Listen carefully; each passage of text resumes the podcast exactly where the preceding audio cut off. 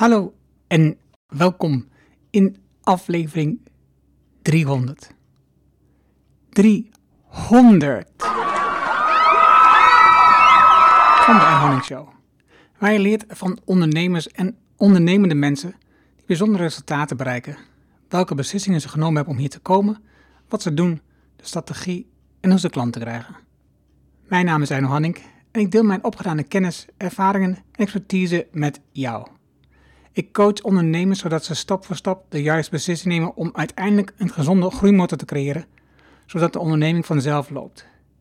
Hiervoor gebruik ik mijn ervaring met meer dan duizend klanten die met exact dezelfde uitdagingen zitten. Vandaag een bijzondere aflevering, nummer 300. Een klein feestje, dus ik heb wat mensen uitgenodigd. Kom binnen, kom binnen, kom binnen. Uit de laatste 100 afleveringen heb ik de aflevering gekozen waar ik het meest uitgeleerd heb. Telkens vertel ik een stuk wat ik geleerd heb en laat dan het stukje horen uit die aflevering. Iedere aflevering is een ontdekking en leer ik van de gast. De podcast geeft mij de gelegenheid om in gesprek te komen met bijzondere mensen. Wanneer ik iets moois leer van een gesprek en ik kan het daarna delen en maar één iemand anders, zoals jij, leert daardoor, ook van de gast, dan ben ik gelukkig. Ik vind het ook mooi om mensen bekend te maken met de gast en aandacht te geven aan haar bedrijf, boek, onderneming of doel. Laten we beginnen.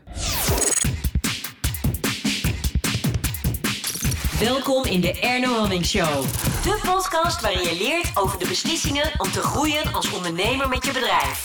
Luister naar de persoonlijke verhalen van succesvolle ondernemers en ondernemende mensen.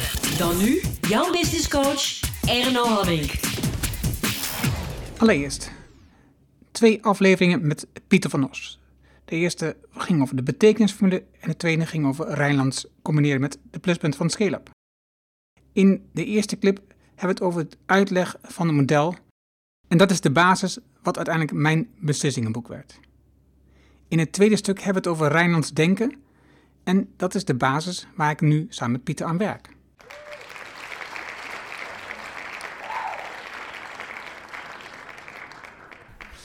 Um, plus min interessant. Dus dan stel je jezelf een vraag um, van... Uh, uh, ik heb nu een aanvraag in, uh, ik noem maar wat, in Duitsland.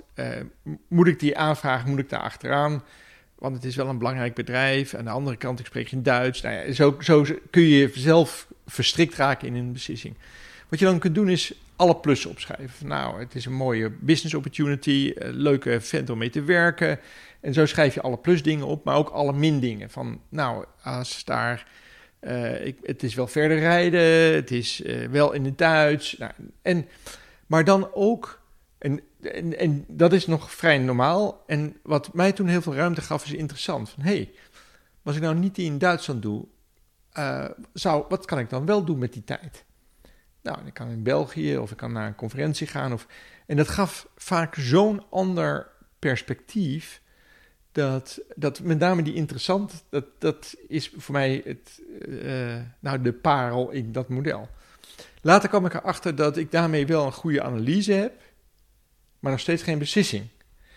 En bij mij zit die beslissing vooral in het accepteren van de consequenties van de beslissing. Niet zozeer in die beslissing zelf. Um, dus wel of niet naar Duitsland gaan of wel of niet een nieuwe auto kopen. En ik gebruik, gebruik heel specifiek wat simpelere beslissingen, want eh, ik, ik heb net de aandelen in mijn bedrijf verkocht. Nou, dat zijn best grote beslissingen. Um, en die gaan ook langs dit model? Die gaan ook langs dit model, want, want ik heb het uitgebreid met twee dingen. Wat zijn de verwachtingen die ik heb? Dus uh, oké, even in het voorbeeld van een klant in Duitsland. Ik neem hem aan. Wat zijn dan de verwachtingen? Uh, nou, dat die... Op, dat die en dan, en dan kom ik op dingen als van ja, natuurlijk dat hij in euro's betaalt. Nou, dat is in Duitsland toevallig makkelijk, maar in Zweden is dat weer niet. En, uh, en wat verwacht ik eigenlijk dan ook van die klant? Kan die ook bij mij komen? En door die verwachtingen helderder te hebben, kan ik die, als ik dan die beslissing neem, met de mensen die daar, eh, waar die beslissing invloed op heeft, kan ik dan ook makkelijker zeggen, ja, maar dan moet het wel hieraan voldoen. Dus dat is, en ik noem dat dan de X van expectations, en dan de A van actie, welke dingen ga ik dan doen? Welke stappen ga ik nemen? Dus dat wordt, dan wordt het een projectplannetje.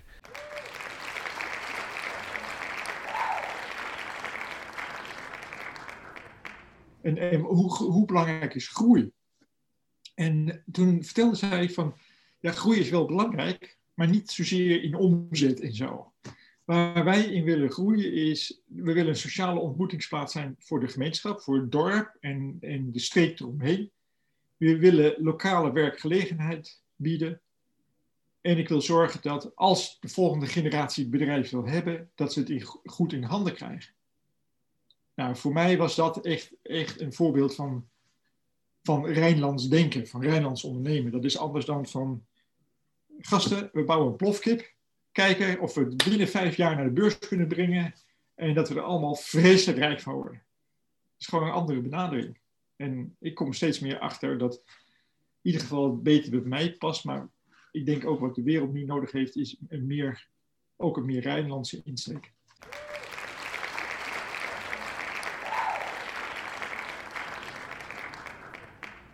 En dan gaan we nu naar Danielle Brown. Ook met haar namelijk twee afleveringen op. Het eerste deel gaat over de lusten en lasten van leiderschap, rol in het geheel. En het tweede deel gaat over onvrijheid van vrijheid en de last van keuzes. Daar gaan we. Organisatieconflicten ga, ga helpen oplossen of cultuurverandering initieer. Dan begin ik toch wel vaak aan de top. En begin ik toch wel met de vraag: durf je leider te zijn? En ik zat laatst zat ik in een zaal en toen vroeg ik, ik, ik vertelde wat over tribale rollen en hoe verschillende dus leiders en chiefs en magiërs en verzamelaars zo van oudsher hele traditionele tribale rollen, hoe dat samenwerkt in organisaties. nou, dus, dus daar gaat het over tribale rollen. En toen vroeg ik in de organisatie, hoe is de chief zo? Wie is hier de chief? En er stak niemand zijn hand op. En er zaten drie directieleden. En ik, oeh, hier moeten we. Dus voor ik dan aan het werk ga met die organisatie als geheel, ik wil eerst een gesprek met die directie. Waarom, wat is er nou moeilijk aan om te zeggen dat jij de chief bent en dat je hier toch echt degene bent die geacht wordt de besluiten te nemen? Ja, maar dat klinkt zo bazig. En ja, bazig, maar hè, dat... dat je bent ervoor aangenomen. Het dat is wel je waar jij voor bent aangenomen. Dus de, uh, ja, ik noem het een soort... Um, nou ja, baasverlegenheid. Dus alleen al het woord baas of leider of chief roept soms al zoveel verlegenheid op. En het is een prachtig boek nu, zo Red de Alpha Wolf, Red de Alpha Leider. En ik vind het een mooi boek, want het gaat over durven leiders nog leiders te zijn. En um, dat is iets anders. Dus, dus hoe de, hoe, je vraag was, hoe doe je dat dan? Dus het begint voor mij met, met leider durven zijn. En ook uh, de last daarvan dragen. Dus ook snappen dat je dan verantwoordelijkheid draagt. En dat je dus niet meer dronken kunt worden op het personeelsfeest. Dus, dus het, het, heeft een prijs. Leiderschap en verantwoordelijkheid heeft een prijs. Je kan gewoon niet meer alles doen.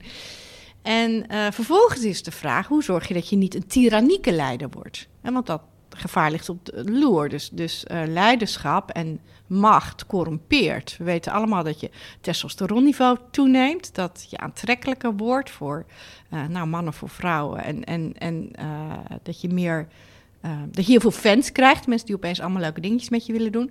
Dus het corrumpeert. En hoe zorg je dat je en niet gecorrumpeerd raakt en dat je blijft vragen aan mensen, en dat is voor mij de enige vraag die leiders eigenlijk hoeven te stellen, is wat heb jij nodig om hier je werk heel goed te kunnen doen?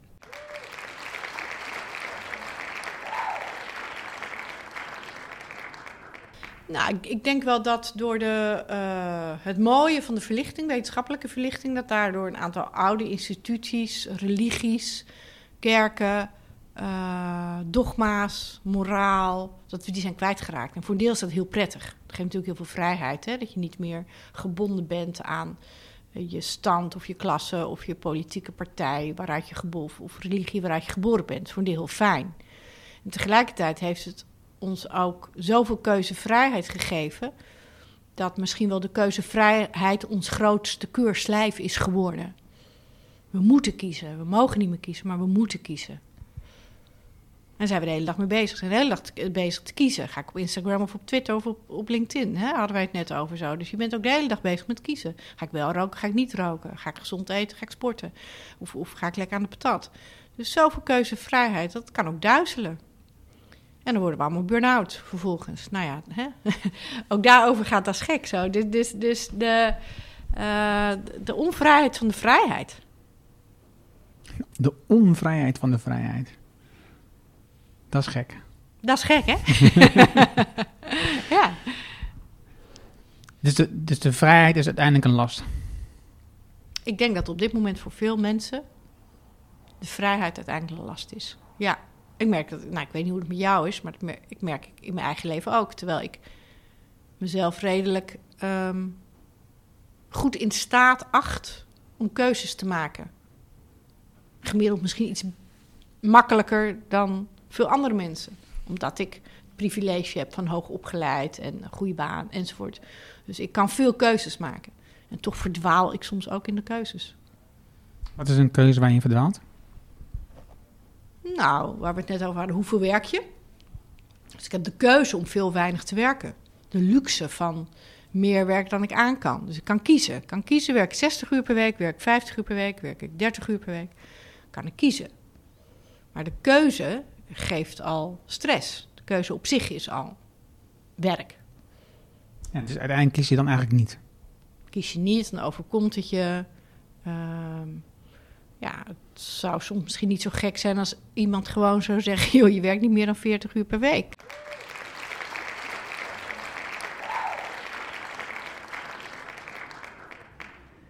En dan gaan we verder met het gesprek met Jitske Kramer. Hier hebben we het over scoren van klanten om te leren of je met een klant wil werken of niet. Nou, die zijn eigenlijk heel eenvoudig. We hebben daar uh, een paar punten voor waar we op scoren. Eentje is fun. Vind ik het leuk. Uh, en leuk kan ook ingewikkeld zijn, dus niet alleen maar halleluja, maar ben ik geïntrigeerd? Vind ik het uh, vakmatig uitdagend? Is het leuk? Zo ga ik ervan aan. Dat is één. De andere is, heeft het impact? En impact kan één op één diepgaande impact zijn. Of impact kan zijn omdat je voor 1500 man spreekt. En dan bereik je in één keer heel veel mensen. Um, impact kan zijn, hebben we de juiste plek in de organisatie. Dus als mijn tijd schaars is, dan, dan wil ik graag met, meteen met de juiste mensen werken. En de juiste bedoel ik mensen die het verschil kunnen maken. Wat dan weer allerlei soorten mensen kunnen zijn. Um, dus heeft het impact. Um, er is eentje, kan ik er wat van leren? Als ik er als ik helemaal niks van leer, ja, dan is zo routine. Dat is wel een paar keer leuk, maar ik moet wel iets van leren. En, um, en dan ik geloof als ik er wat van leer, leert de ander ook meer. Dus, dus dat. En, en, het, en klopt het geld? Ik bedoel, we zijn ook ondernemers, we zijn geen sociaal bureau. Dus we hebben die vier punten. En we zeggen altijd, als ze op alle vier hoog scoren, is het bingo. Dan is het... Maar je zegt, klopt het geld? Maar je hebt toch je hebt gewoon tarieven? Ja, we hebben tarieven. Maar ja, er zijn ook wel mensen die zeggen, wil je het gratis komen doen? Of, uh, het geldt in ieder geval niet. Dan klopt het niet. Nou, en soms wel. Oké. Okay. Want soms is het zo'n mooi doel. Dan denk ik, ja. Dus voor mij gaat het erover dat het geld is even belangrijk als fun, impact, leren en geld. En als al die vier punten een 10 scoren, ja, dan zeggen wij dan komt de koningin voorbij, weet je, die natuurlijk. Maar dat is meestal niet zo. Meestal scoort uh, twee of drie heel goed. Maar het kan ook zijn dat er op een van die vier een enorme uitschieter zit.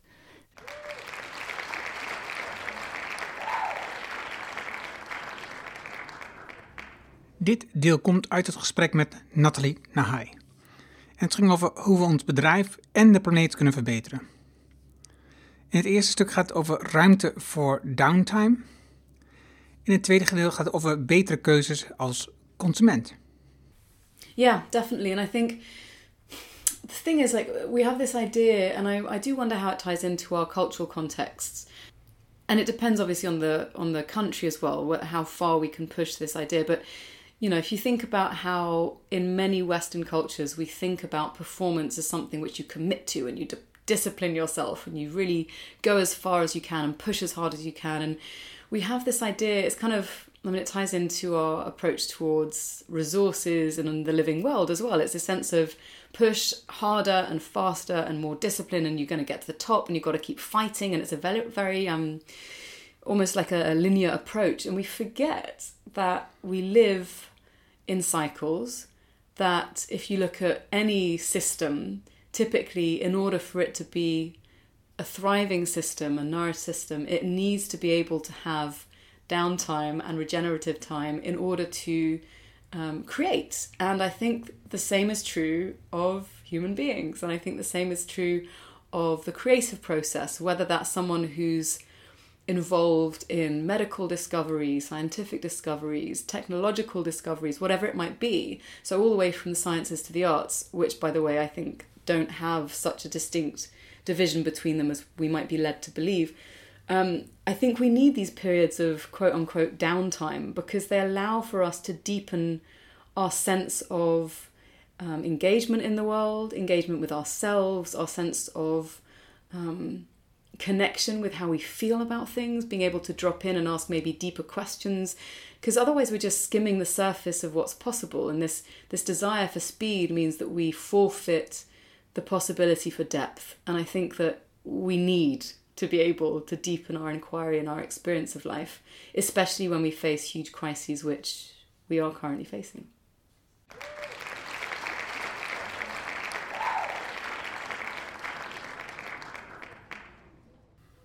Such a good question. Um, so I'm going to preface this by saying there's nothing wrong with with you know buying a new dress and treating yourself. I'm not talking about being monastic. So, for instance, the things that I get most pleasure from include eating out, so having food. I love food.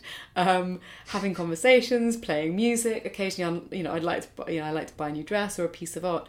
Um, I think it's more about it's more about a sense of where that desire is coming from, and I think you know, of course, we want to feel like we belong. We want that sense of validation from our peers. We want to feel like we are valued participants in the communities in which we live. And I think sometimes one of the shadowy aspects of how we live now in the consumerist societies that we live is that the downside of consumerism is that we feel that unless we buy the new car, unless we buy that new dress, unless we show up with the Rolex or whatever it might be, whatever the the um, the item is that signals your value to others. Unless we do that then we're not worthy. I think if and we we know when we have these feelings really it, it sort of the desire stems from a sense of discomfort as opposed to from a sense of joy.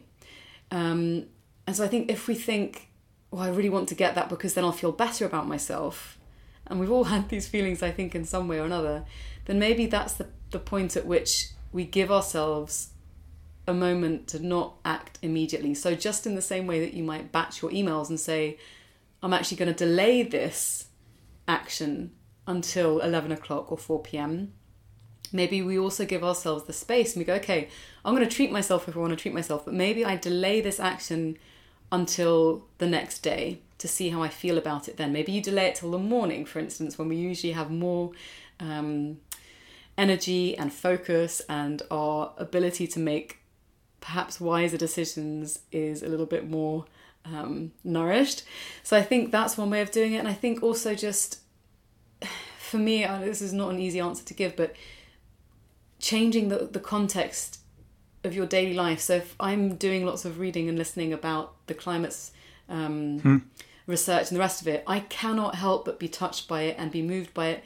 And it makes all of the stuff that I might otherwise gravitate towards suddenly feel irrelevant. It's like, well, shit, do I really need a new pair of shoes? No, I don't. I'd rather buy a new plant that's going to help filter my air in my flat. Like things like this, it just frames things differently. So I think also the psychological tool of reframing something based on your values can also be a really powerful way to change how you make your decisions.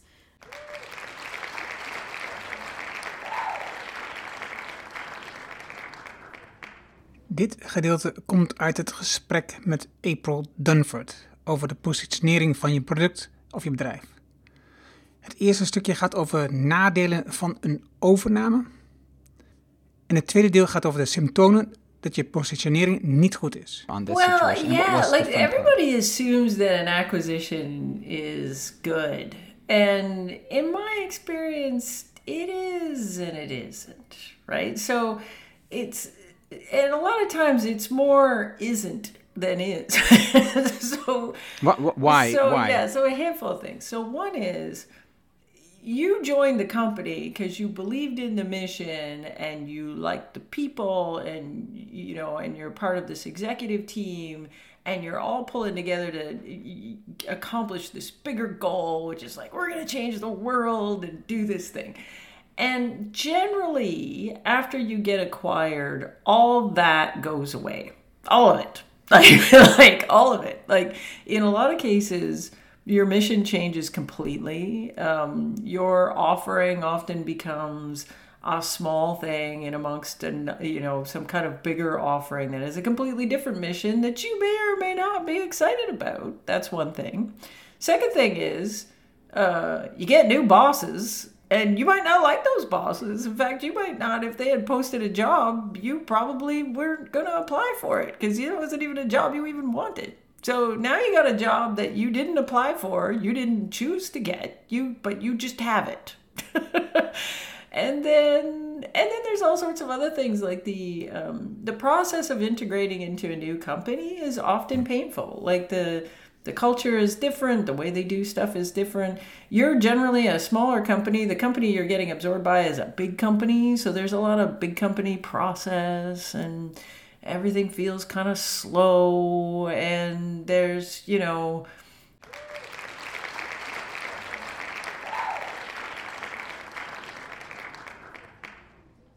you know if you if you don't have customers that love you then maybe you got a product problem right but if you've got customers that love you and you know they recommend you to people and they you know and they they keep coming back to you over and over again. And uh, then i think you you've got validation on your offering. But sometimes what you'll have is the, the people that use you now they love you and it's great. But the new prospects coming in are a bit like you give them the pitch and they're like so pitch it to me again they just kind of don't get it.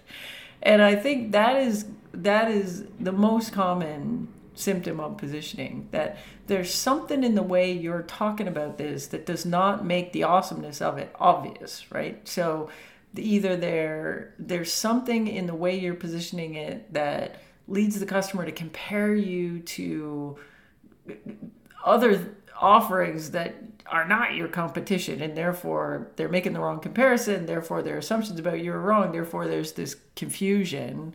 Um, or the value you offer is not clear or they you know it is clear but they just don't understand why it's valuable. Um, all of these things are symptoms that your positioning is not so great because once they do figure it out and use it they love you. So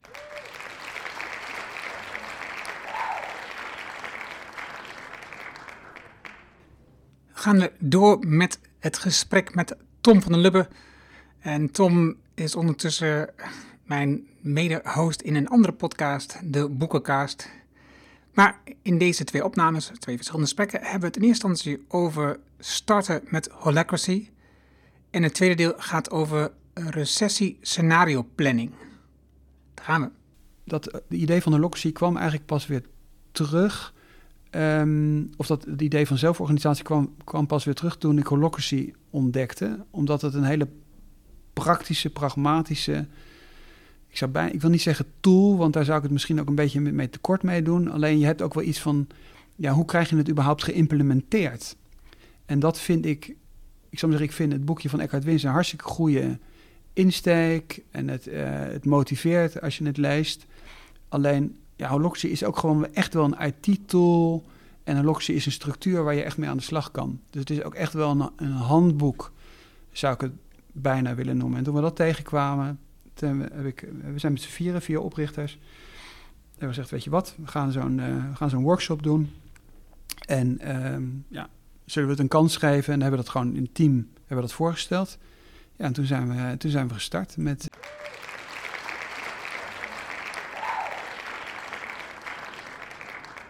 Even los van, van deze extreme situatie, moet je ervan uitgaan dat een onderneming altijd een recessiescenario heeft liggen. Uh, en dan heeft een recessiescenario heeft heel veel verschillende varianten. En we hebben waarschijnlijk als recessiescenario de meest extreme varianten maken. Uh, maar als je überhaupt al eens hebt nagedacht dat het misschien ook weer eens bergaf zou kunnen gaan, dan ben je in ieder geval beter voorbereid dan dat je denkt dat het altijd alleen maar verder kan gaan. Hè? Dus van uh, the only way is up. Nee, there's also a way down. En we weten eigenlijk dat de conjunctuur uh, cycli zijn. Nou, wat hebben wij gedaan? We hebben dat plan daarbij gepakt. Omdat we daar van tevoren over hebben nagedacht. Um, uh, en het voorbeeld dat wij intern altijd hebben genoemd is uh, dat het makkelijk is, want vaak wordt het ook heel complex gemaakt. Um, ik neem het voorbeeld altijd van zeilen. Er zijn veel mensen die zeggen dat ze kunnen zeilen. Uh, en als het mooi weer is, dan ziet dat soms er heel goed uit. je kunt ook een andere sport nemen, dat maakt niet zo heel veel uit. Ik kan ook skiën nemen, want ik kan niet zo goed skiën. Als het, als het goed weer is en alles klopt, dan lijkt het alsof ik kan skiën. Als het slecht weer is, dan ziet iedereen dat ik niet kan skiën. Maar ik weet dat gelukkig van mezelf. Nou, als we naar een management gaan, heb je in principe exact hetzelfde. Dus een crisis is eigenlijk een testcase om te kijken of het leiderschap heel sterk is of niet. Terug naar het voorbeeld van het zeilen, maar je kunt ook iets anders nemen. Zeilen als het slecht weer wordt, kunnen minder mensen dan bij goed weer. En de vraag is wie nog kan zeilen als, als de orkaan in één keer opsteekt. Dan blijven er niet zo heel veel bootjes uh, overeind. Nou, en voor die orkaansituatie denk ik dat als jij leiding geeft aan een onderneming, of zelf ondernemer bent, dat je, je altijd, dat je altijd moet voorbereid zijn op de orkaan. Of je dan na de hand, als je in die orkaan terechtkomt, zul je ook een beetje geluk moeten hebben, et cetera. Maar überhaupt mentaal je ermee bezighouden dat die orkaan er een keer komt, of dat het een keer slecht weer zou kunnen worden, dat is in ieder geval relevant. Dus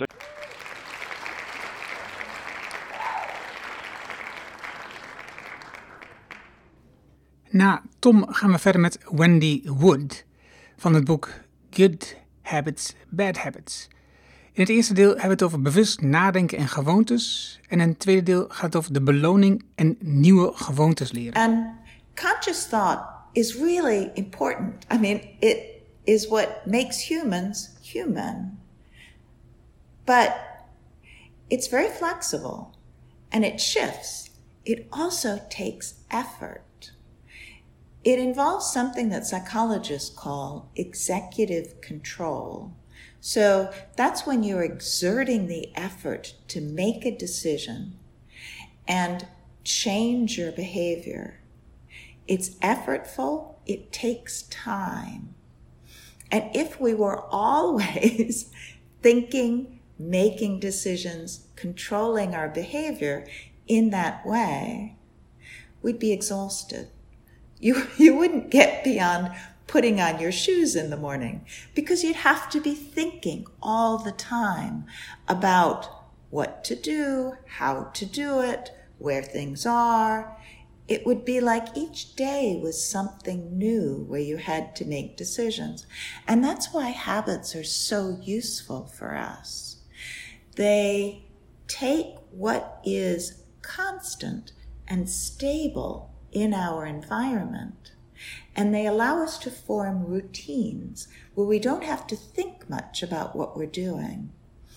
And the research I have done suggests that about 43% of what we do every day is done out of habit. And what that means is that 43% is done pretty much at the same time and place.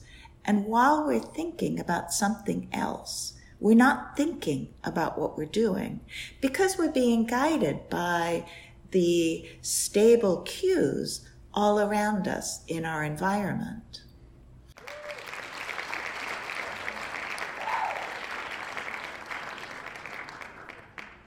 So with Twitter, the reward is immediate. It's when you're doing the behavior that you all of a sudden get that message or get that like that makes you feel good. And that's the kind of reward that builds a habit. The reason it works this way is that when we get rewarded, our brain releases a neurotransmitter called dopamine. And we all know dopamine is sort of the feel good chemical but it does lots of things. One of the things it does is it ties together what we just did and the context we're in to get that reward. So it's helping us form those habit associations so that the habit is what comes to mind the next time you're in that situation.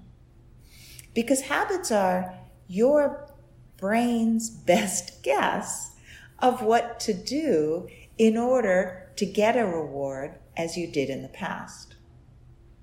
It's not necessarily the, the reward you want right now, mm.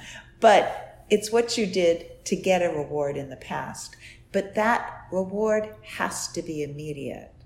So if you don't like going to the gym and working out, then you're not likely to form a habit to do so unless you can figure out something to do to make it immediately more fun. It's why people sometimes buy fancy workout clothes because they can put it on and then feel good.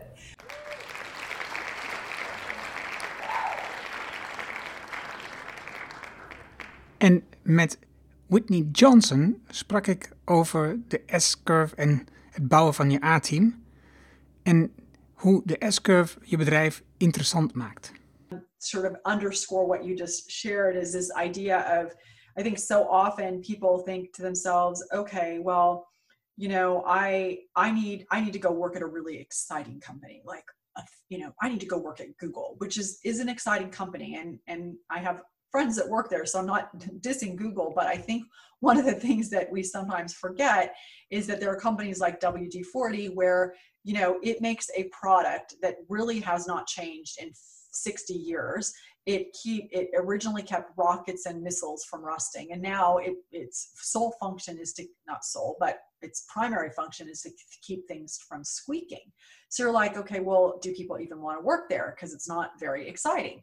And yet you look at their engagement scores and they're over 90% and you look at it's their extremely high Right, they're extremely high, and you look at their market cap, and I haven't looked at it in the last couple days, but let's say pre-COVID nineteen, over the last twenty years, their market cap had increased from like two hundred and fifty million dollars to um, you know 2.5 billion dollars. So we're talking about a 10x increase, which is outperforming the S&P 500. And so it's like, well, what what is happening here? when we did our research, we administered our diagnostic, we found out that this is a company, the CEO, Gary Ridge, is, you know, a, person who is committed to allowing people to climb that S curve. And when they get to the top of the S curve, they jump to the bottom of a new S curve. So, this notion of learning and leaping and repeating and disrupting yourself is built into, it's embedded into the company.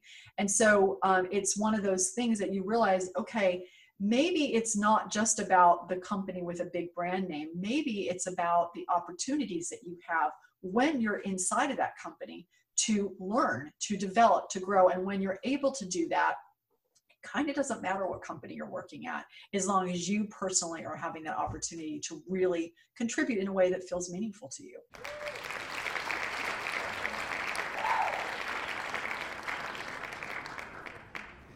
En we gaan verder met het gave gesprek wat ik had met Derek Sivers over letting go of my goals. En dit deel gaat ook over het loslaten van doelen en verwachtingen. I'm so glad I asked because I had never thought about numbers goals in a project that you're still committed to. I had only thought in terms of like letting go of conflicting projects entirely. So shutting down um, plans. Yeah, I, my thought on it so far could have been called letting go of plans. My specific examples in my life were um, that I had always planned to um, start making music again. I had planned to learn Chinese. I had planned to make this mobile app. I had planned to do this and all of these things still existed in my head as um, as things I am doing. Well, I you know I need to finish this thing right now, but I'm still going to do those other six things I just said. And I've realized one day that I, if I were to give up on the idea of making music and actually give away all of my musical instruments to a friend of mine who's a full time professional musician, wow, that would feel so liberating. And so I did it. I gave away my instruments. So now I have no musical instruments in the house. And I've found weirdly enough that it makes me happier because my psyche, my soul is not torn every day thinking I should be spending more time doing that thing. So that was like my main example of letting go of goals. But then I thought of the other ones like, well, what if I just said to myself, even privately, like, I'm never going to learn Chinese. It's not going to happen. Then, ah, it was kind of a relief. Like, you know, would my life still be okay? Kind of like I said, you know, I what if you could never travel again? Uh, what if I never learned Chinese? Would my life still be okay? It's like, yeah, I'd I'd actually still be cool with that if I never learned Chinese. All right, well then I'm just going to completely let go of that. I'm going to take that off the list of things that I'm going to do, and that was a huge relief. But I had never thought of this idea that you brought up of saying, for this project I'm doing, I'm expecting 100 people to sign up. And oh no, only 40 people signed up. I'm so sad. How could, how would that look if instead, which is, uh, I'm going to do this thing and I have no idea whether a million people or two people or no people are going to sign up and I'm just going to do it anyway. How would that look? Like letting go of expectations?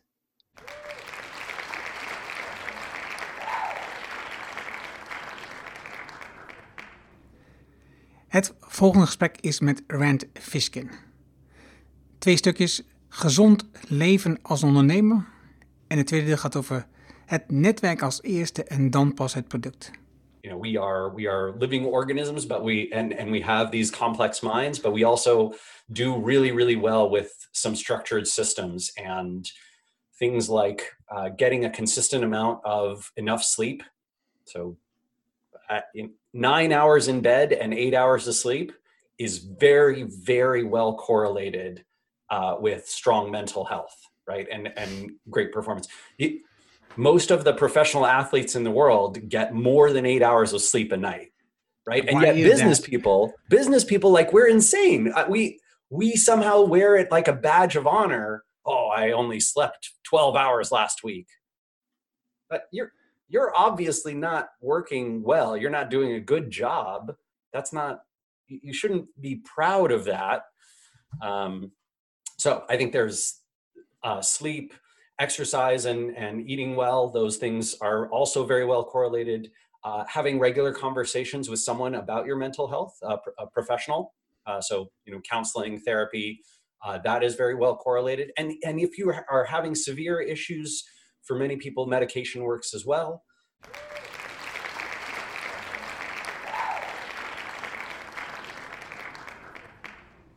I've seen a ton of people who who follow that path be much more successful with their with their startup once they launch it because they already have have an audience of people who care about what they're doing and know them and like them and trust them.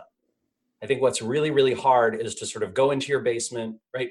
Interview some customers, some potential customers, go into your basement, build that product, launch it and then sort of hope that somehow people will hear about it and then then start doing marketing after you launch you know, when we launched SparkToro in uh, in in March and April, we, we had twenty thousand people uh, who'd put their email onto a list to get notified. Right, so those are all potential customers who looked at the SparkToro product under construction, right? Sort of a page pitching what we were building, and said, "That sounds really interesting. I'm interested in that. Hook me up when it's ready." Right, and those of those 20,000 people, you know, that's where we got our first 100 customers and and SparkToro is um, I think you know on the road to profitability because we had that group.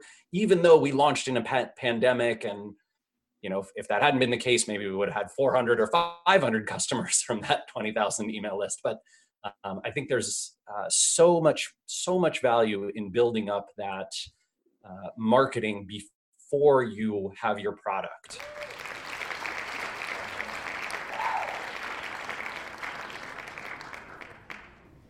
In dit gesprek met Tom de Bruyne hebben we het over gedragsbeïnvloeding die het resultaat voor het klimaat positief kunnen beïnvloeden. En hij heeft het over de verkeerde framing voor een beter milieu als opoffering. Wel, uh, de, de man die eigenlijk in Amerika de Republikeinen aan de framingstrategie geholpen heeft om, uh, om ervoor te zorgen dat eigenlijk het klimaat als een soort links complot werd geframed, waardoor Amerika niks hoeft te doen aan het klimaat, heet Frank Luntz. Um, is, een, is een briljante geest, maar heeft lange tijd gewoon echt een soort uh, ja, de, de politieke frames aangereikt aan de Republikeinen om de macht naar zich toe te trekken. Totdat zijn huis bijna werd afgebrand in een van de Californische bosbranden. En toen hij zoiets zet van, hmm, shit, dat klimaat, dat is blijkbaar toch wel, toch wel iets ernstiger dan we dachten. En nu is hij helemaal om en probeert zich nu juist, uh, juist uh, langs beide kanten, zowel republikeins als democraat, van de juiste frames te voorzien om het klimaatdebat aan te gaan. En mijn grootste kritiek of mijn grootste bezorgdheid rond het klimaatdebat is dat we dat de klimaatbeweging eigenlijk altijd uh, klimaatactie geframed heeft als opoffering. Namelijk, we moeten bepaalde stappen nemen, daardoor moeten we minder consumeren. We moeten het doen voor het klimaat. Uh, we moeten het doen voor iets wat buiten onszelf ligt. En het grote probleem daarmee natuurlijk is, is dat je langs alle kanten uh, er tegen weerstand krijgt. Want ja, waarom zou ik minder uitgeven als mijn buurman uh, wel degelijk via AliExpress tien keer goedkoper kan krijgen? Waarom zou ik ehm, mij, mij diep in de schulden stoppen, terwijl dat een druppel op een hete plaat is, dat al die industrie intussen carte blanche krijgt om te blijven vervuilen? Dus het, dat gaat gewoon niet werken, omdat, omdat mensen muurvast zitten in, ja, maar kijk eens rond mij, niemand anders doet het. Dus mijn punt is, is dat wij moeten uh, het stoppen met het te hebben over klimaat. En we moeten eigenlijk um, gaan nadenken over weer job to be done denken, waar we het in het begin over hadden. Wat is de job to be done die belangrijk is in mensen hun leven? Wat zijn hun diepere drijvers en doelen in hun leven? Waarop we positieve klimaatactie kunnen, kunnen aan vasthangen. En ik denk dat, um, dat om terug te keren naar AliExpress, we, we, we zijn de voorbije 50 jaar gewoon uh, een uh, letterlijk bijna als Pavlovsiaanse honden, en ik heb er zelf aan meegewerkt, hè, maar opgevoed om te doen geloven dat de definitie van het goed geleefde leven is, is dat je de vrijheid hebt om alles te kopen waar je zin in hebt. En dat je er is letterlijk een, een Duitse keten met een, met een winkel in Amsterdam, die heet Kauf dich glücklich. Um, en, uh, maar, dat is, is, is de, de, de economie heeft fantastisch veel welvaart gecreëerd door ons te doen geloven dat de zin van het leven bestaat gewoon uit dingen kopen waar je blij van wordt.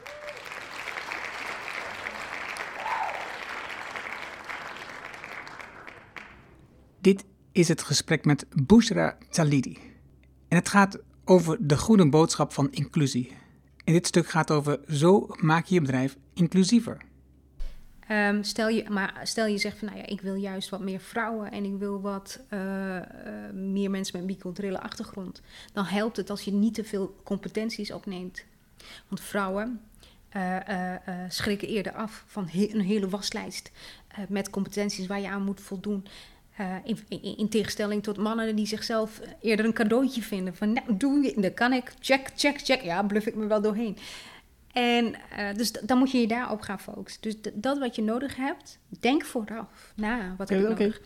Stel, stel je zoekt kleur. Hoe, mm -hmm. hoe, hoe, hoe, verwerk ik dat in een vacaturetekst? Verbinding is bijvoorbeeld wel een hele goede, verbindend. Maar je kunt ook zeggen, en dat gebeurt heel weinig, uh, dat je bijvoorbeeld iemand zoekt met een, een, een breed netwerk in hè, bepaalde gemeenschappen. Of stel je zegt van nou, iemand die, die goed is in interculturele communicatie. Um, en dan komt het ook aan op, nou, wat, ook helpt, is een goede statement, een inclusieve statement. Wij willen anders uh, een soort mensen bereiken. Wij willen diversiteit, want, en hè, dat je het voor je eigen uh, organisatie invult. Um, maar dan komt het ook op de arbeidsmarktcommunicatiekanalen die je gaat gebruiken. Ga je het weer op dezelfde platform zetten waar je het altijd al hebt gezet? Of ga je nu kiezen voor, ga je bijvoorbeeld een diversiteitsrecruiter ja, inschakelen die met je meedenkt en, voor die massa gaat zorgen? Of je gaat, hè, je hebt heel veel van dat uh, bureaus die je daarbij kunnen helpen. Uh, een kleurrijke top 100, Atana, Binoc, Diversity Recruitment. Um, die kun je er allemaal bij helpen. Dus als dat echt jouw zoektocht is, schakel hulp in. En doe niet, blijf niet hetzelfde doen wat je deed.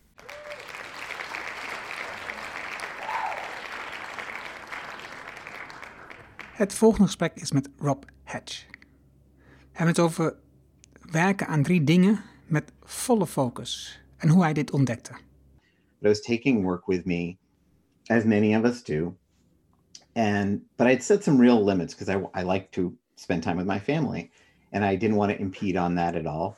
And I would the night before I said I'm just going to work on three things, and I'm only going to work for a few hours. And I set some rules for myself. Just don't check email because you'll get sucked in, and don't check social media because you're going to waste time. So I got up early, two hours, three projects, very clear what I wanted to work on. And I didn't have any of those external interruptions, didn't allow them. And found myself later on turning to my wife at the beach going, I got more done in those two hours than I have in entire days and sometimes multiple days in an office where I was interrupted all the time. And that began the process of examining looking at the research for why did that happen? Um, why does that, why do our brains, you know, like that? Or why did, why was that a more productive time? What, what were the functions of that process? And really ended up with a whole new way of operating for me because before I would allow all the interruptions. I thought having the open door policy as a manager was great and oh come in anytime, you know, whatever you need. And that I was always split focused and and never getting my work done and I try to cram it in and I'd leave and I'd feel unfulfilled and I wasn't doing the right things and I felt scattered. And then I was also not spending much time with my family because I'd have to stay late to get my stuff done. By flipping that, deciding the night before, this is what I do now is at the end of my day, I have a slot of time where I stop and I look at tomorrow and I say, okay, what are the three most important things for me to work on? That I put in my, I put that in my, the two hours I call my success block. Because if I at least get that done, the rest of the day blows up, then I know I've had a productive day. I, I defined success by those three most important projects. I still do more work, but that it's that's the focus, the primary focus. I have to get really specific. That's really important. Is I don't just put make 10 calls if it's phone calls I need to make or sales calls or, you know, which isn't necessarily part of my job all the time, but just as an example, I would never just put make 10 calls or update website is not something that is helpful. What is helpful is to put something really specific and say, write two paragraphs for your about page, um, you know, on your website. That level of specificity really sets me up to, I don't have to make the decision. I don't wonder what update website means. I don't have to scan my website and say, where do I start? I've decided ahead of time. I've set the time aside, two hours. It's usually eight to 10 in the morning. I walk in. I know exactly what I'm supposed to be working on. I have everything laid out, all the decisions were made, and I just get to start working. So it makes it, it makes it a lot easier. And that really emerged from honestly that those days before, you know, getting up and going to the beach with my family on vacation.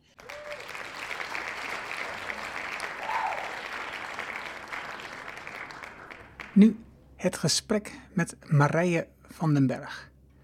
We hebben het over leren om goed te stoppen. Het eerste stuk gaat over ontspannen stoppen. En het tweede stuk gaat over stapelen van nieuwe dingen op de oude situatie. Kijk, veranderingen is, is wat mij betreft wat je nieuw doet, wat je koestert en wat je stopt. Dat bij elkaar opgeteld is verandering.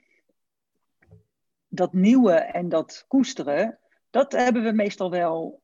Dat koesteren doen we ook niet zo goed. Dat nieuwe is, is heel sexy. Dat koesteren is een soort van, nou ja, oké, dan jij, jij houdt wat je hebt. Maar dat stoppen, dat, doen we eigenlijk niet. Want we denken dan, als we dan maar dat nieuwe doen, ja, dan valt dat wat we niet meer willen doen vanzelf wel van de kar af. En dat is dus niet zo. En dat weet iedereen ook wel. En soms vind ik het wel lastig om te zeggen van hoeveel, als je mensen dan bewust maakt op hoe, hoeveel tijd stoppen kost, of hoeveel energie je erin zou moeten steken, denk ik wel eens, oh, het is helemaal niet. Uh, is helemaal niet een fijn, fijne boodschap. Want je wil juist nieuw en sexy. En, hè? Maar ik weet, uh, ik weet wel dat als je. Iedereen voelt het. Dat die energie stopt in dingen die eigenlijk zouden moeten stoppen. Dat, dat loopt iets op leeg. Uh, wat het dan ook is. Dus ik denk dat we die energie die we nu stoppen in dingen waar we eigenlijk mee moeten stoppen, als we die productief kunnen maken om ermee te stoppen, dat dat echt veel prettiger ingezette energie is. Ehm, en dat heeft ook te maken met, nou, met je kop in het zand is het gewoon niet zo lekker ademhalen. Dus dat is dat, en dat is toch, maar toch is ja, het lekker fijn en veilig en zo, maar ja, dat helpt gewoon niet zo goed. En eh, de angst voor wat je ziet als je je kop uit het zand haalt, ja, ja daar kan je misschien wel wat ontspannender in worden. Eh, in de zin van, nou oké, wat, wat zie je dan? Ja, wat er is. dit is het dus. Ja, oké, nou meer kan ik niet doen dan, dan nu om me heen kijken en bedenken wat er, wat er nodig is. En bij stoppen ehm, gaat het over ontmaskeren. En gaat het over inderdaad onderkennen van hm, deze manier van werken, die werkt niet meer. Of we moeten toch uh, naar onze opdrachtgever of naar onze klant of naar ons personeel om te zeggen, het gaat niet meer. We gaan het anders doen. Uh, we kiezen ervoor om het niet meer te doen.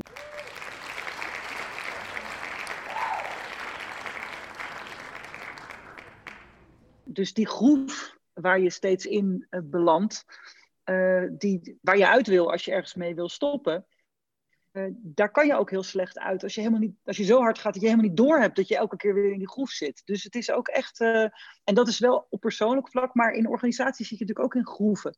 Dus um, ik, ik, ben, ik zit echt, ja, het is natuurlijk een groot experiment waar we nu in zitten deze tijd. Fascinerend om te zien dat sommige mensen denken dat ook door het nu een tijd niet te doen, dingen ook vanzelf gaan verdwijnen. Terwijl ik heel verrast zou zijn als dat ook gaat gebeuren. Want ik denk, ja, uh, voor een deel zijn we bang, dus houden we vast aan wat we hadden. Dus wordt het alleen maar erger. En voor een deel, uh, als, als het straks hopelijk over een half jaar of zo weer normaal is, hebben we al die uh, groeven die er lagen in die organisatie, hebben we echt niet weggehaald. Dus, dus als, als we daar niet actief nu aan gaan opschonen en gaan bedenken, wat willen we nou echt niet meer? En wat triggert nou dat gedrag? Of wat triggert die werkwijze? Of wat triggert het weer verzinnen van beleid of een regel of een indicator of wat dan ook, of administratie. Als we dat niet opruimen, ja, dan, dan verandert er helemaal niet zoveel. Um, en dan komt het er alleen maar bij. Uh, wat, wat er nu nog allemaal weer aan nieuwe dingen ontdekt wordt. Dat hebben we in de bankencrisis ook gezien. Hè, toen ontdekten we dat het toch best fijn was om ook op een duurzame manier naar onze geldsysteem te kijken of de wereld. Nou, vervolgens moesten we en dik vet geld verdienen en moest het ook nog duurzaam ja, het kan niet uit, zeg maar. Hè? Dus, uh, dus, dus de, uh, het stapelen wat, waar wij wel toe uh, geneigd zijn, ehm, dat, ik denk niet dat, dat het van, vanzelf, dat de onderkant van de stapel vanzelf verdwijnt. Dus daar heb je ook afremmen voor nodig om te zien van wat maakt nou dat we die groef weer in, ingaan met elkaar. Dus dat kan helpen. En deze tijd is afremmen, dus je kunt om je heen kijken. Maar we zijn, denk ik, in deze tijd niet aan het afleren. Dat doen we pas weer in het werk als we het werk weer doen zoals we het uh, met elkaar gewend zijn te doen. Dan pas weten we zeker of we ergens mee gestopt zijn.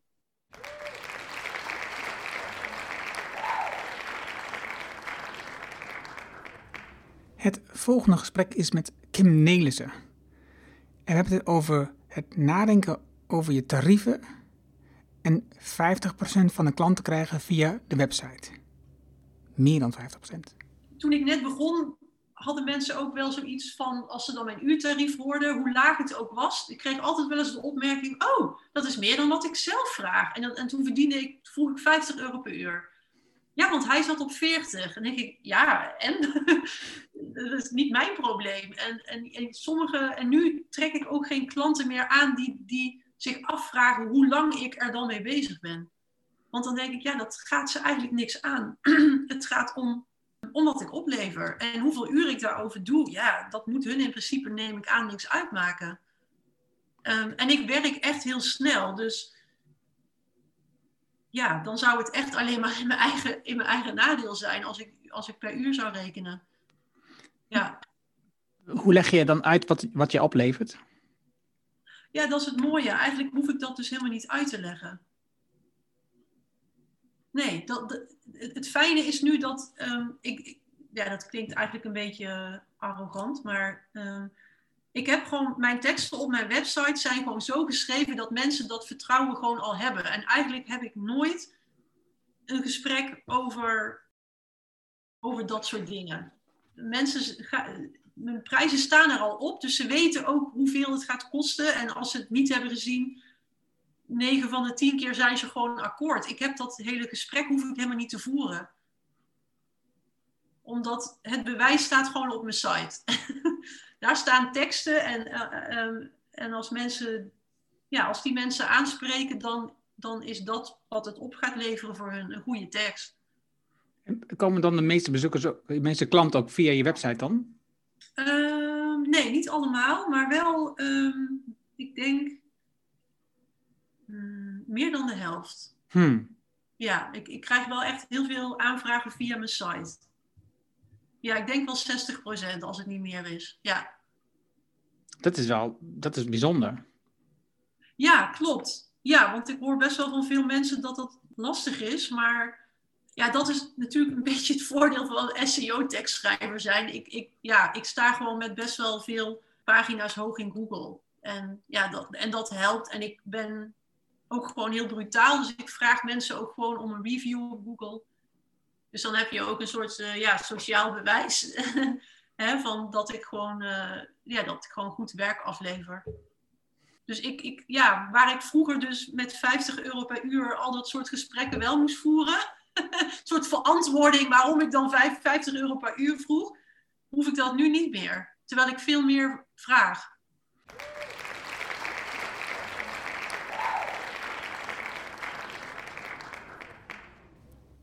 Dit gesprek is met Sebastian Klein.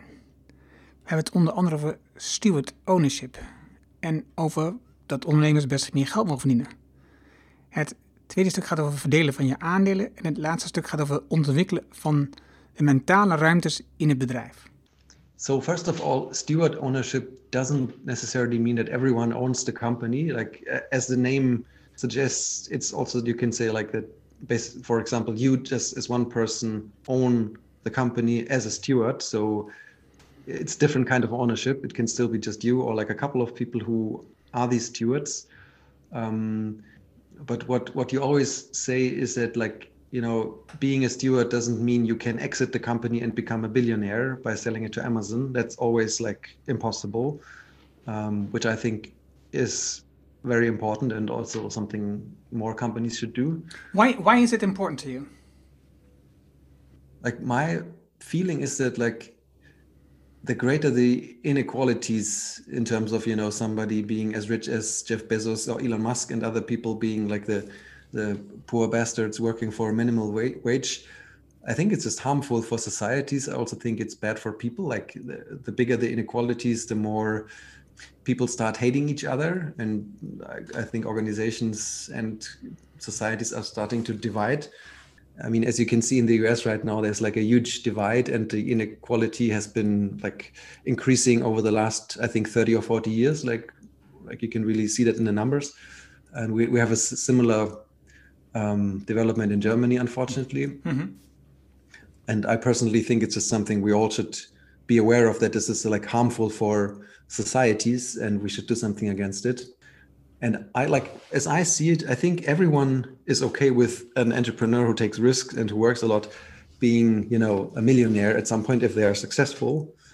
I think most people don't have a problem with someone you know having like a nice house and more money than the neighbor. Yeah i think as as long as I, I don't think someone needs to own you know hundreds of millions of euros or like be a billionaire. I think that's just where the problems start. You know, if someone's just like a little bit richer than other people, I don't think people have a problem with that.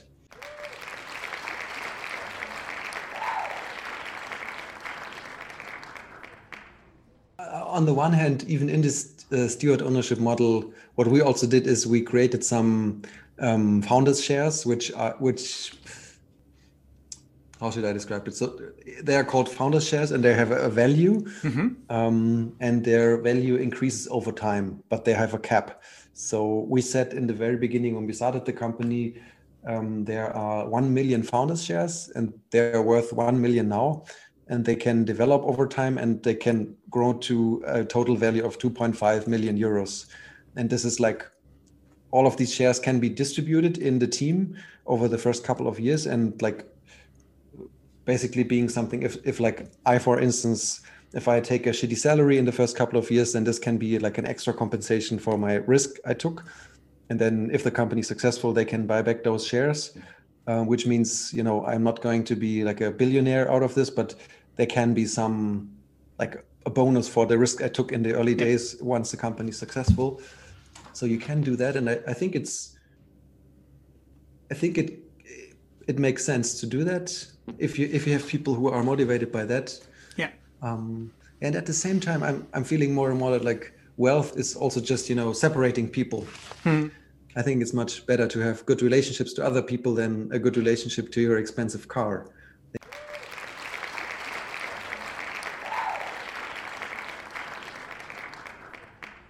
So what we are trying to do is to create spaces for all these different um, yeah mental spaces of the organization because I think it's it's very or at least for me it's very hard to do strategy at the same time as talking about conflict and emotion or like to do uh, to talk about operations and like getting things done while at the same time talking about governance um, because these are completely different ways of thinking for me and what we're trying to do is really like say this is you know we have a space for where we do strategy like a couple of meetings and people know this is now about setting the strategy and the goals for this quarter.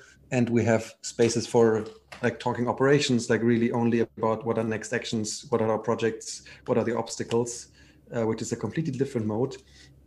And at the same time we have you know spaces for feedback and also spaces for conflict. And also something that i think most many people find a little bit um, funny but i think it's it's a good idea. Um, just spaces for like relationship building which means you know getting to know each other more on a personal level which also is something that doesn't really happen in a or if this happens in an operational meeting it's a shitty operational meeting or if it happens in a strategy meeting it's a shitty strategy meeting so i would always prefer separating it you know and saying we don't do that here but we have a space for it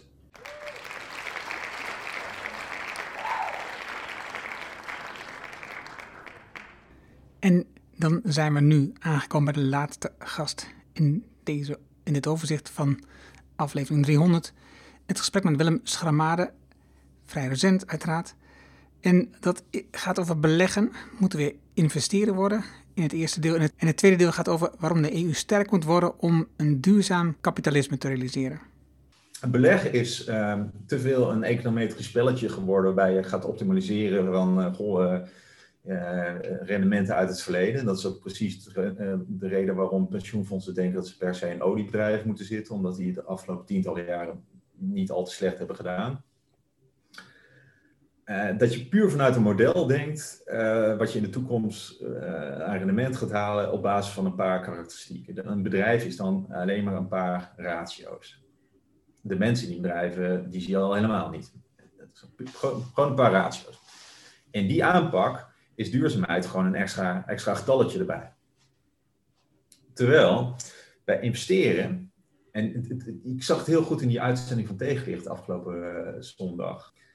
Dat ging over groen geld. En gelukkig ging driekwart van de uitzending over ondernemers en niet over de investeerders. Want die ondernemers, dat waren gewoon mensen die met kansen bezig waren. De echte, die waren gewoon op zoek naar van wat is hier mis? En, en hoe kan het beter? Ja, daar moet je in investeren. En Je je investeert in, in de nieuwe modellen eh, die in de toekomst gaan werken. En je investeert niet in de dingen uit het verleden die te, te gronden gaan.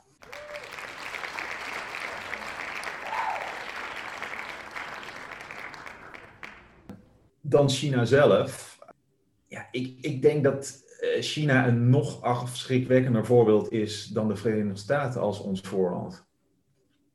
Kijk, net zoals dat je met te veel eh, eh, vrije markten uiteindelijk je, je vrijheid ondergraaft.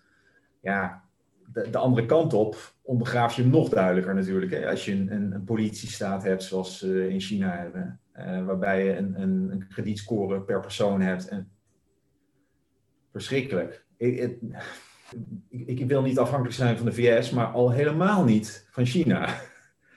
En ik denk dat dat besef ook wel uh, steeds groter wordt in Europa. Uh, en, en ook uh, juist ook in die hele discussie rondom IT-bedrijven.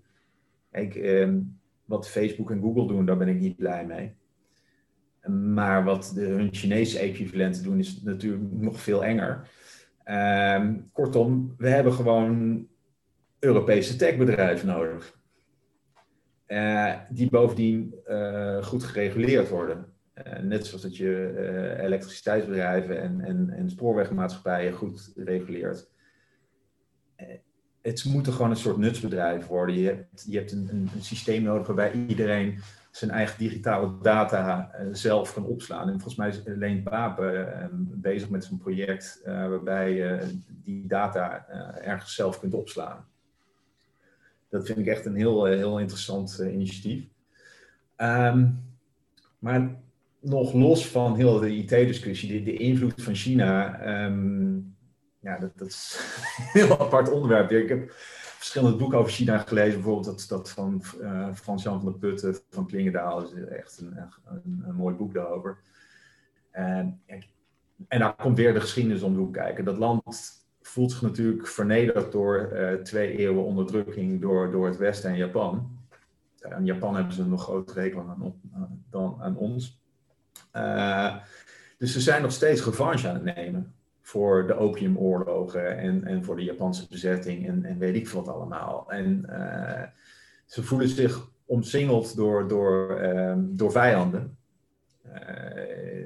Rusland is dan nu een vriend, maar is traditioneel ook een vijand. Uh, India hebben ze ook altijd ruzie mee. Uh, nou ja, intussen, Zuid-Korea is een Amerikaanse bondgenoot, Japan is een Amerikaanse bondgenoot, Filipijnen, zelfs Vietnam is tegenwoordig meer pro-Amerikaans. Uh, dus zij voelen zich omcirkeld, ze voelen zich bedreigd.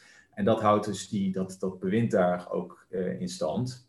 dus ze, ze cultiveren dat die, vijandig, die vijandigheid met, met de rest van de wereld ook. Dat, dat is eigenlijk het sociaal contract van die communistische partij daar. Ik bedoel, niemand gelooft echt meer in communisme, maar wel dat dat, dat de manier is om China groot te maken. Um, dus ja, wij, wij zullen moeten laveren tussen uh, enerzijds realisme dat, dat dat land nou eenmaal zo functioneert. En anderzijds uh, ja, eh, ons wel uh, wapenen tegen de invloed van, van dit soort landen. En dat betekent, denk ik, dat we als EU veel sterker moeten worden. En dus dat we heel veel dingen gemeenschappelijk moeten gaan doen. Um, en dat is niet alleen goed tegen China, maar ook om onafhankelijk te zijn van de VS ook om, om uh, duurzaam kapitalisme te realiseren. Want als wij um, echt een beprijzing willen hebben van CO2 en dat soort dingen, ja, dat kunnen we maar deels in Nederland doen. Je hebt dat heb je op Europees niveau nodig, waarbij je ook een, een border tax hebt. Dus als Chinees staal komt, dat daar gewoon een CO2-prijs wordt, wordt afgerekend. Maar ook die Koreaanse auto waarin dat Chinese staal weer zit, moet, dat moet allemaal ingeprijsd worden. En als je dat op Europees niveau regelt, ja, dan, dan kun je een, een, een veel duurzamere economie uh, creëren. En dan kun je tegelijkertijd laten zien dat de EU relevant en belangrijk is en uh, legitiem, uh, et cetera. Je, je, je, je slaat zoveel vliegen in één klap door dat goed te regelen. Dus die Green Deal, als ze dat echt voor elkaar krijgen, ja, dan, dan, ja, dat, dat zou geweldig zijn. Dat was hem. Dat was aflevering 300. Met fragmenten uit 18 afleveringen van de afgelopen 100 afleveringen. Wat ik heb geleerd van deze ondernemers, deze fantastische mensen, deze bijzondere mensen in de afgelopen twee jaar ongeveer. Je vindt de namen van al deze 18 gasten en de links naar de artikelen, naar de verschillende podcastafleveringen met die mensen, de volledige afleveringen, in de show notes bij dit artikel. En dat vind je op ernhorning.nl slash show 300. Wil je vanzelf automatisch een van de volgende afleveringen krijgen, en volgende week is uiteraard gewoon nummer 301, dan abonneer je op je telefoon op de podcast. Als je een iPhone hebt, dan kan dat heel eenvoudig met Apple Podcast, de app die op je telefoon zit standaard. Open die app, zoek de Erno Show op en klik op abonneer. Heb je een Android-telefoon, dan installeer je bijvoorbeeld eerst de Player FM app. Open die app, zoek de Erno Show op en klik op abonneer. En dankjewel hiervoor. Heb je opmerkingen, vragen, reacties op deze aflevering of op eerdere afleveringen? Stuur mij gerust een e-mail op podcast.ernohanning.nl, want dan wil ik over de podcast gaat. Dank je wel alvast voor je reacties. Uh, ik, ik leef hiervoor, ik vind het fantastisch dat je ze stuurt. Wil je leren hoe je impact zichtbaar maakt om klanten en medewerkers aan je te trekken? Wil je weten wat de drie basiswaarden zijn voor resultaat? Hoe je meer resultaat krijgt door minder te doen? En wil je de zeven tips leren om goed nee te zeggen? Vraag dan het boek Beter Beslissingen voor meer impact aan op erhanning.nl. Dit is mijn nieuwste boek en je downloadt het nu, omdat het nieuwste is, helemaal gratis. Je hebt zelfs geen e-mailadres nodig. Er is ook een Kindle en een EPUB versie. En als je de papierversie van een boek, dat kan ook, maar dan betaal je alleen de verzendkosten. Mijn nieuwste boek is altijd gratis. Uh, vraag het daarom nu aan. Op ernohanning.nl. En ik weet, jij bent een druk ondernemer, vol agenda. Je leest het in één avond tijd. Super dankjewel voor het luisteren tot nu toe. Voor al deze afleveringen. Super dankjewel voor je support en reacties op alle afleveringen tot nu toe. Dankjewel voor het luisteren en graag tot de volgende. Dankjewel voor het luisteren naar de Erno Hanning Show op ernohanning.nl.